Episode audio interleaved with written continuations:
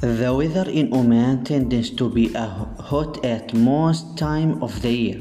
especially between April and August of each year, as temperature may reach 40 degrees Celsius or may increase in all governorates of the Sultanate except for the Dhofar Governorate, which is characterized by rainy seasonal weather and, and cold weather due to being affected by the monsoons laden with the clouds.